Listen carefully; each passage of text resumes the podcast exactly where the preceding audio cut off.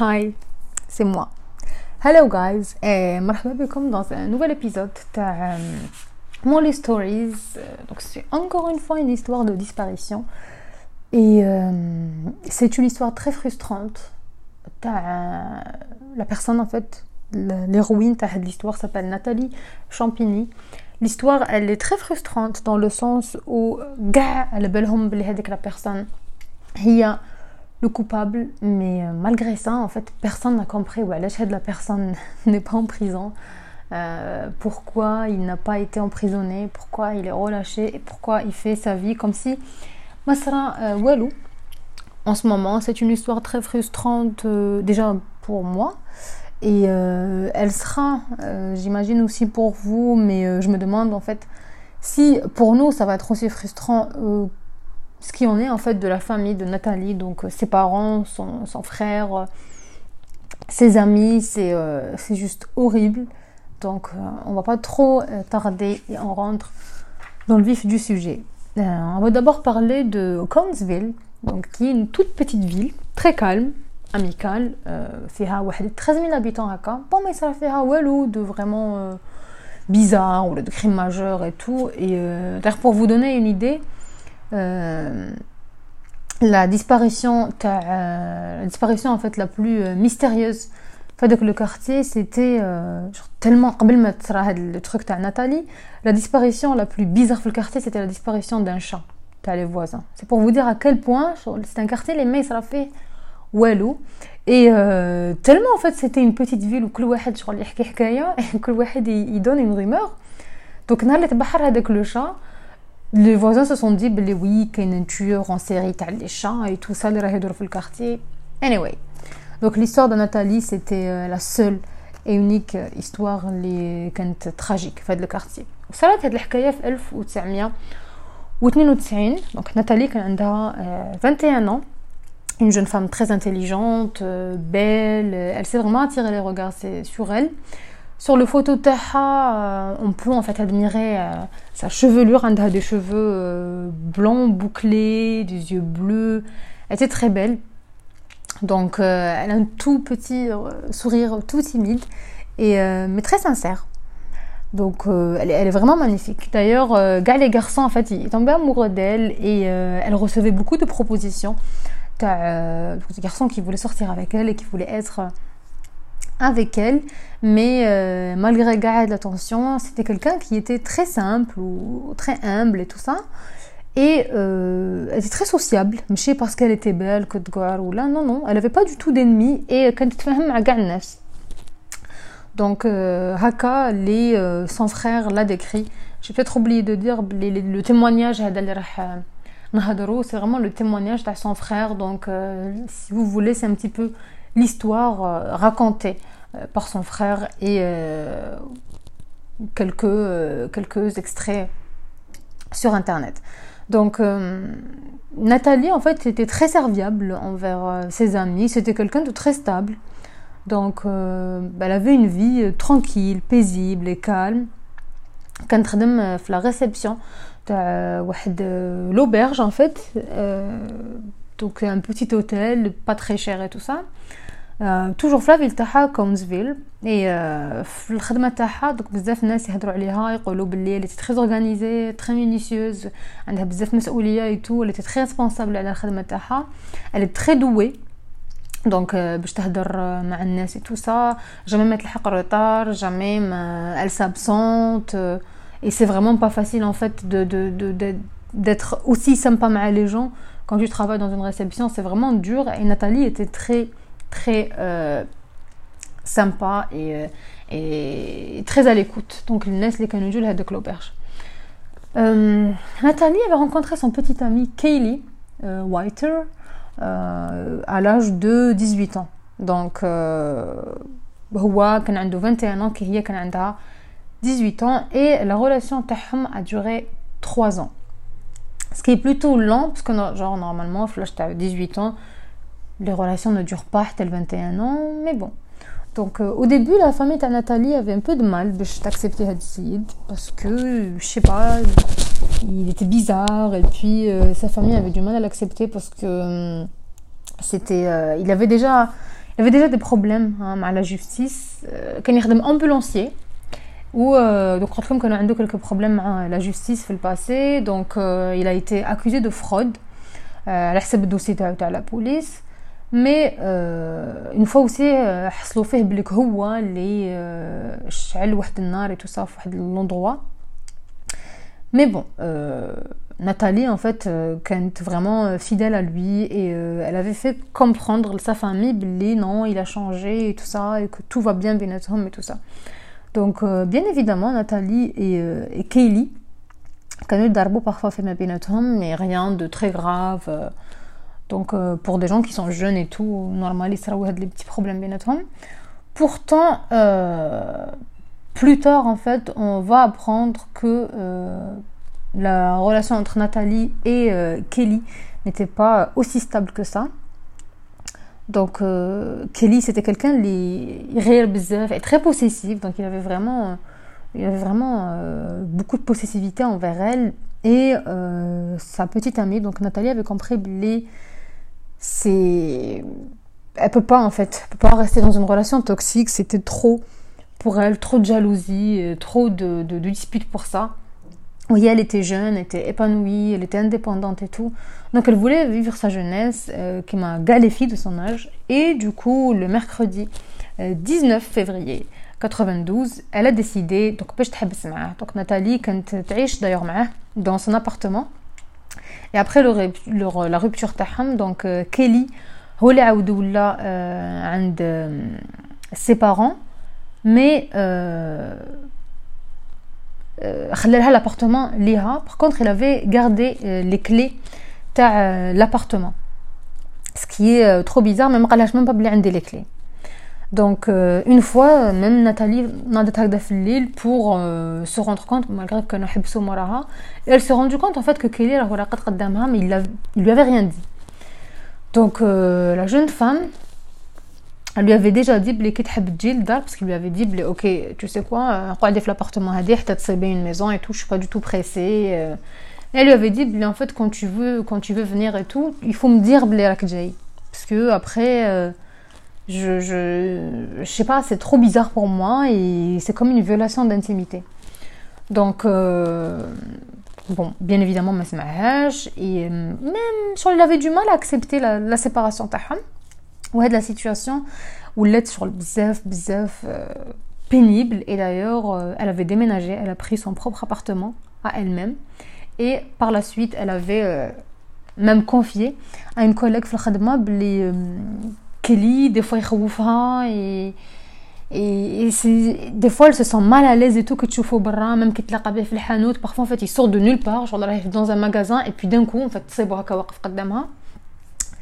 et euh, Nathalie avait, euh, même Morm, elle avait quitté l'appartement تاعو وراحت هي تسكن وحدها دي فوا كان تجي داخل لدارها في الليل ولا تصيبو واقف قدام لالي سيتي ترو بيزار اي كانت ميم قالت لسا كوليغ بلي فرانشمون جو جو بو بلو فيفر وحدي دونك جو في الي فيفر عند مي بارون باسكو جو مي سون اون سيكوريتي عندهم لي بروش تاعها ما كانش على بالهم بصح لا غولاسيون بين ناتالي اي كيلي كانت ميم كانوا فيها بزاف لا فيولونس malheureusement حتى après la disparition تاع بنتهم باش la famille Champigny ont eu ont su en tout cas les بنتهم étaient violentées par son son copain donc peu après la disparition تاع ناتالي هذا son frère راه يقول بلي juste مورما ناتالي تبحرت عرف من des amis à elle باللي كيلي كان يضربها et euh, ils se sont toujours demandé en fait وعلاه euh, Nathalie ça lui arrivait beaucoup تلبس un col roulé euh, طويل genre باش ما يبانوش فيها ضرابي euh, pourquoi des fois في الصيف et tout كانت تلبس des gilets طوال c'est c'est c'est vraiment euh, c'est vraiment bizarre. D'ailleurs, une fois, euh, راحت تشوف un médecin parce qu'elle avait un gros bleu au niveau de la poitrine et euh, c'est la famille qui se savoir قالوا لها منين جاك هاد le bleu et tout au niveau de ta poitrine enfin, le, la première réponse اللي قالتها elle a pas donné de réponse elle a juste dit que non euh, que c'est pas Kelly donc déjà ça c'était très révélateur à l'époque mais euh, ils n'ont pas persisté plus que ça et euh, elle était très mal à l'aise qu'elle avait un bleu au niveau euh, de la poitrine. Donc c'est vraiment horrible de penser que Nathalie Hamlet de la violence de la part de, de, Kelly. Et euh, elle est restée en fait trois ans avec lui. Elle a été très courageuse de ne rien dire.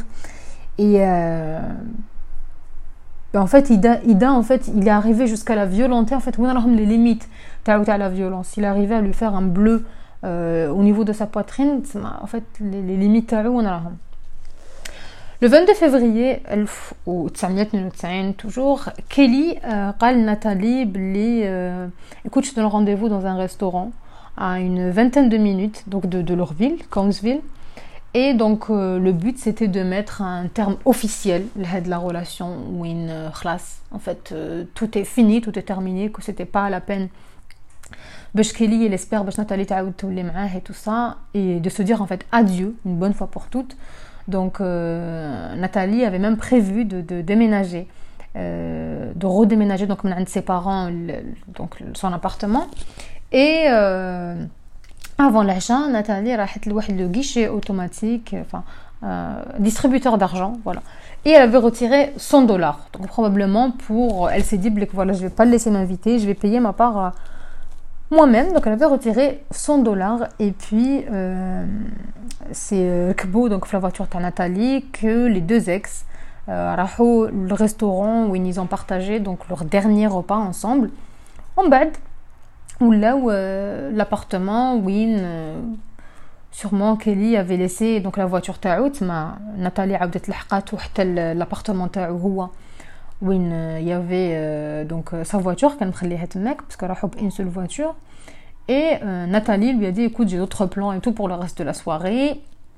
Donc, il y a quand le bar, euh, c'est le bar de Granby. C'est comme un cabaret en fait. Et euh, pour rejoindre hein, une nouvelle personne qu'elle avait rencontrée, donc c'était un nouveau garçon qui s'appelle Marco.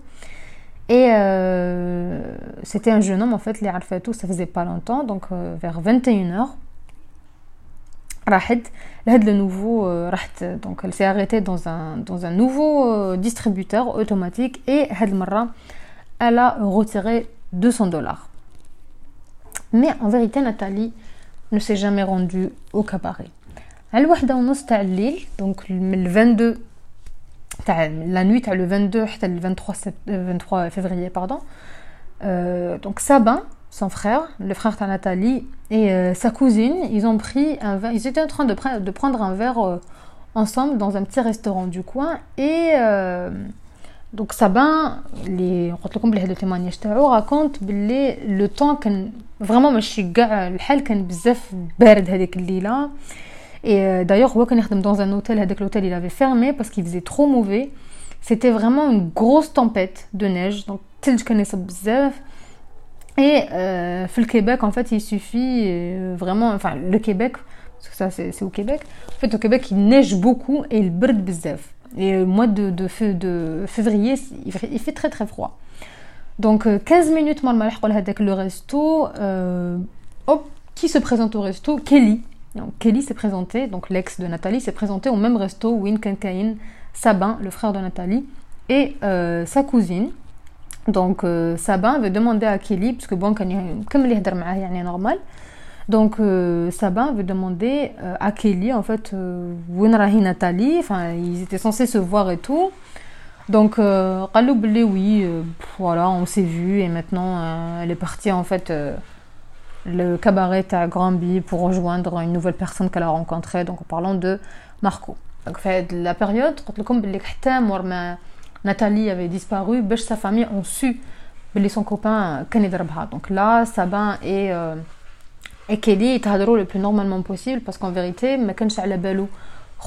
son, son ex Le lundi, donc le 24 février, euh, Nathalie n'est pas euh, partie travailler.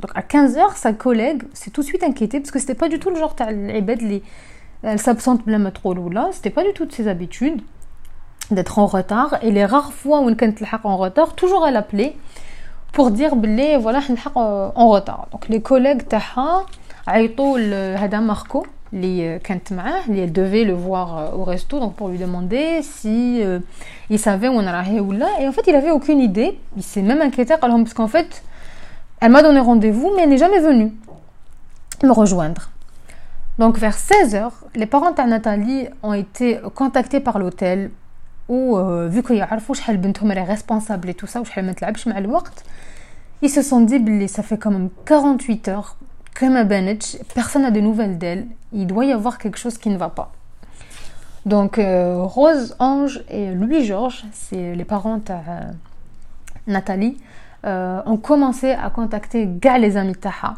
et étrangement واحد فيهم على بالو وين راهي كيلي euh, à un moment donné donc euh, les parents تاعها بزاف تقلقوا et euh, ils ont même appelé donc son ex les gens bien évidemment courant عند les parents تاعها قال لهم بلي je vais vous donner un coup de main pour les recherches et tout il s'est il s'est il s'est très vite inquiété donc pendant que Kelly كان يحوس على le numéro de téléphone تاع تاع كان يحوس en fait على des numéros de téléphone تاع des amis à elle باش يعيط لهم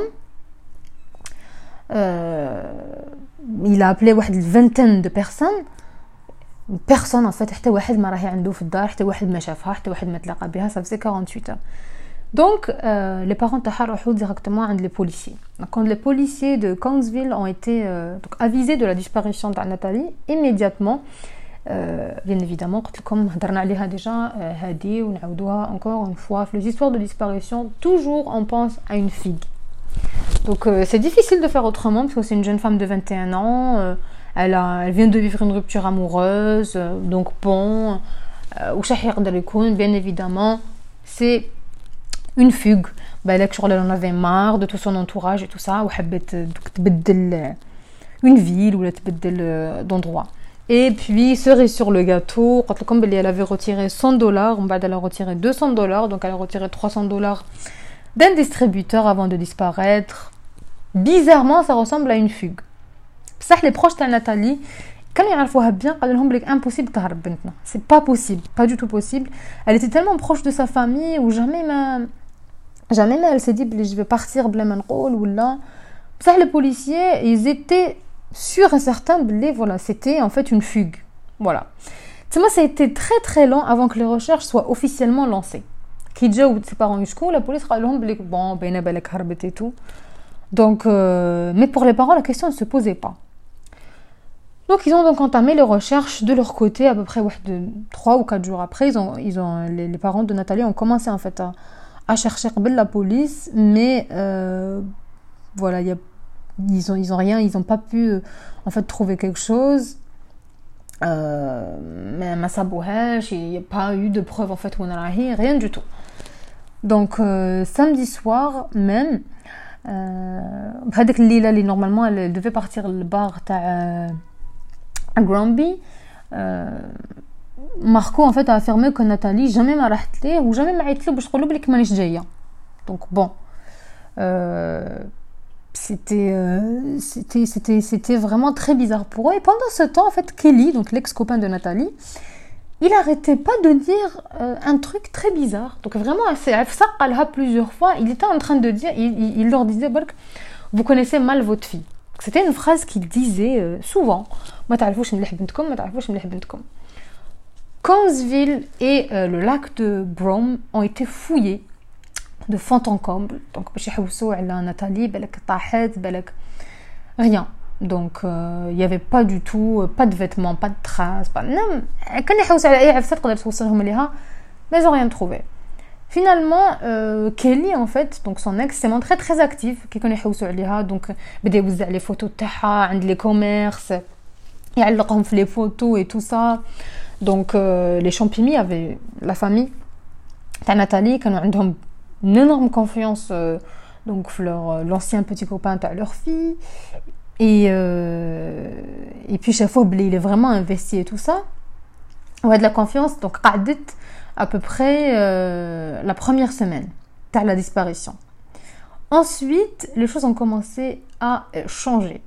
Parce que euh, Sabin, en fait, qui est donc le témoignage je me rappellerai toujours d'un moment très décisif on roulait en voiture, donc Sabin, le frère de Nathalie, Kelly, son ex-petit copain, et, euh, donc, on est les, les quartiers, en fait, à la Nathalie. Donc ils étaient accompagnés de deux amis de Sabin, ça veut dire qu'il y avait quatre hommes dans la voiture, donc le frère de Nathalie, son ex-petit copain et deux autres amis, euh, et à un certain moment, donc en s'approchant de l'endroit en particulier, la place Aka, Kelly, ça a une drôle de réaction. C'était le grand terrain à Conesville que euh, Kelly connaissait très bien en fait avec le, terrain parce qu'il avait l'habitude de jouer mec quand il était enfant.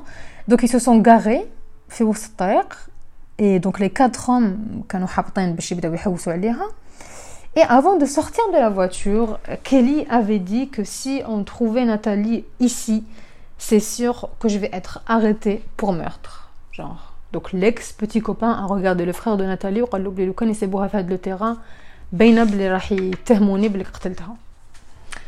Sabin euh, a reçu la phrase en fait c'était comme un coup de poing parce que euh, c'est comme un coup de poing au visage parce qu'il il, il a répondu mais est-ce que tu sais ce que tu viens de dire ou là, est-ce que tu te rends compte de ce que tu viens de dire Kelly n'a rien dit, m'a répondu Alouche, silencieux. Donc, euh, accompagné de ses amis, Saba a quand même décidé de sortir de la voiture et de en fait, à sa sœur. Mais euh, Kelly ne voulait pas sortir de la voiture parce qu'il disait que j'ai pas envie de sortir parce qu'il fait trop froid. Alors que, euh, alors que je crois c'est pas, enfin, t'es venu pour aider. On va euh, tu dis bah, non, je ne peux pas sortir, il fait trop froid. Bon. Donc, quelqu'un lui me chauffe, ce qu'elle dit, l'ami de Sabin a remarqué en disant ben regarde les lumières la voiture en fait euh, elles sont toujours allumées Kelly n'avait même pas pris la peine en fait de mettre la voiture genre le, Kelly ما درهاش même pas en fait contact باش يطفي les lumières ou là et c'est trop bizarre parce qu'en fait, je pense, je pense, euh, je pense qu'en fait, il s'est dit, la voiture là, donc Naïda, ben, s'il se passe quoi que ce soit, je peux fuguer. Je pense qu'en fait, c'était, c'était ce qu'il disait, c'était ce qu'il se disait, Roi. Et, euh, enfin, il gardait en fait le pied sur le frein, c'est la voiture quand Naïda, donc il n'a pas voulu l'éteindre, c'était très bizarre. Et euh, là, en fait, le frère de Nathalie, il s'est dit, ok, le premier coupable, je pense que c'est son ex-petite amie. Le lendemain, le frère de Nathalie a poste police donc pour rapporter donc les propos de Kelly.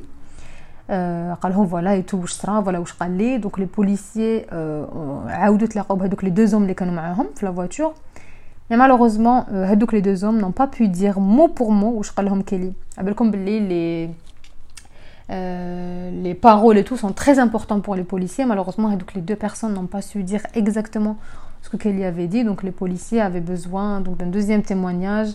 Bêche les dire Sabin, le frère de Nathalie, et Mais malheureusement, c'était pas du tout c'était pas du tout en fait logique et puis ils ont, ils ont fait ça comme un conflit d'intérêt parce que le frère de la victime venait de recevoir une confession mais euh, c'était difficile en fait de se baser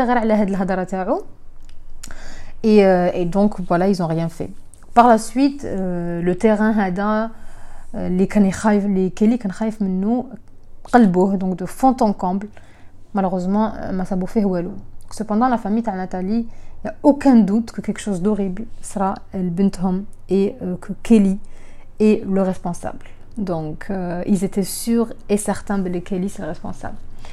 Donc, si euh, c'est bien ce qui est arrivé, c'est Kelly, euh, et, Kelly est le responsable et, que c'est lui qui a tué Nathalie, je me demande en fait comment il a pu prendre le corps Taha en plein mois de février au Québec. Enfin voilà, il devait faire, il devait faire moins de 10 degrés, donc c'est pas du tout, c'est très très froid. Et c'est pas évident en fait d'enterrer euh, une personne fil euh, je sais pas, belle qu'il l'avait brûlé, je ne sais pas, mais en tout cas c'est très difficile de faire ça. Faut pas oublier la tempête ce soir-là, quand il y a une tempête, d'ailleurs ils ont fermé euh, quelques hôtels et tout ça. Donc je ne sais pas. Quelques semaines après la disparition de Nathalie, la police de Conesville euh, dit l'affaire à la Sûreté du Québec. Donc c'est comme, c'est comme le FBI du Québec si vous voulez. C'est la police euh, nationale, mais un peu, mais d'un degré en fait plus élevé. Et les nouveaux enquêteurs, donc il y avait quatre hommes, ont décidé euh, donc de rencontrer Kelly le 14 mars 1992 donc ils ont décidé et euh, ils, ils lui ont demandé de passer le test de mensonge donc sous la pression t'as les policiers et les soupçons qui pesaient contre lui Kelly a finalement craqué, il a avoué son crime.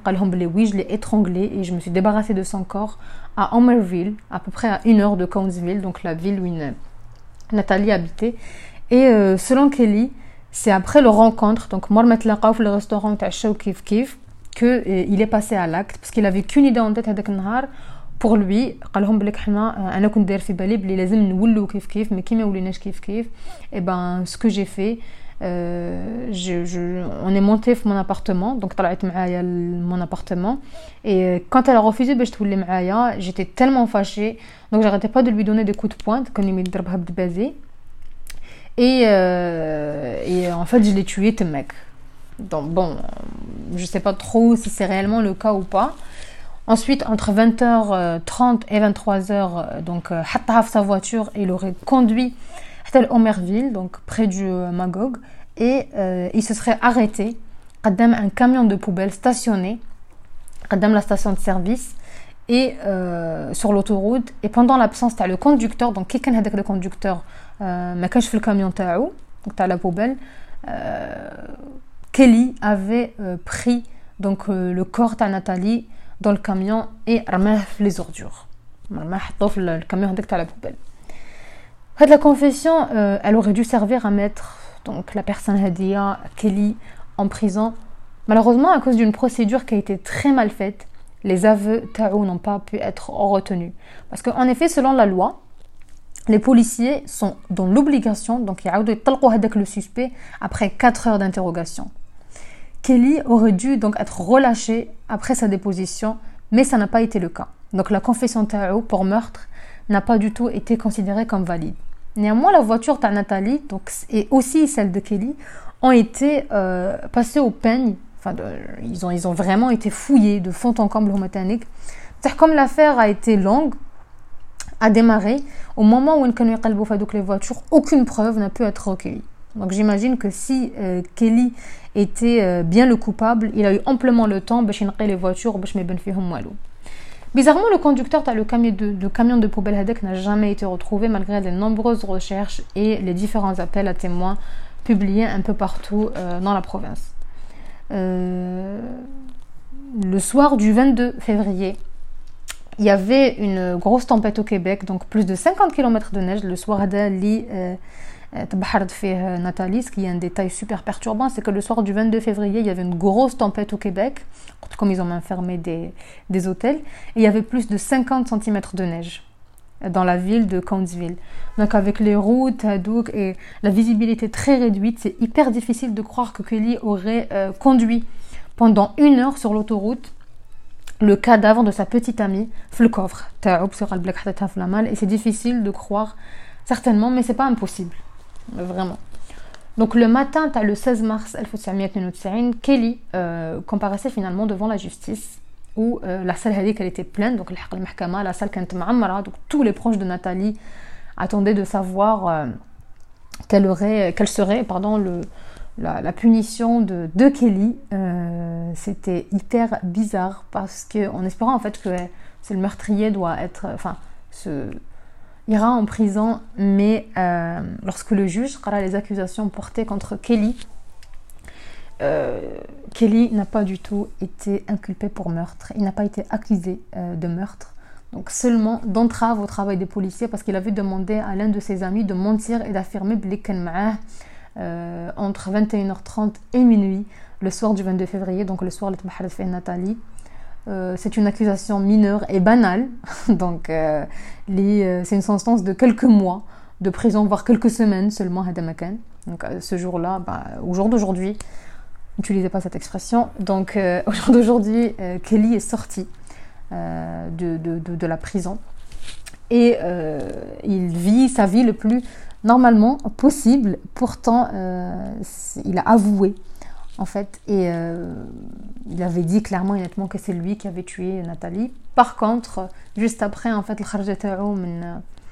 la prison, il avait avoué, en fait, que euh, juste parce qu'il y avait trop de pression sur lui.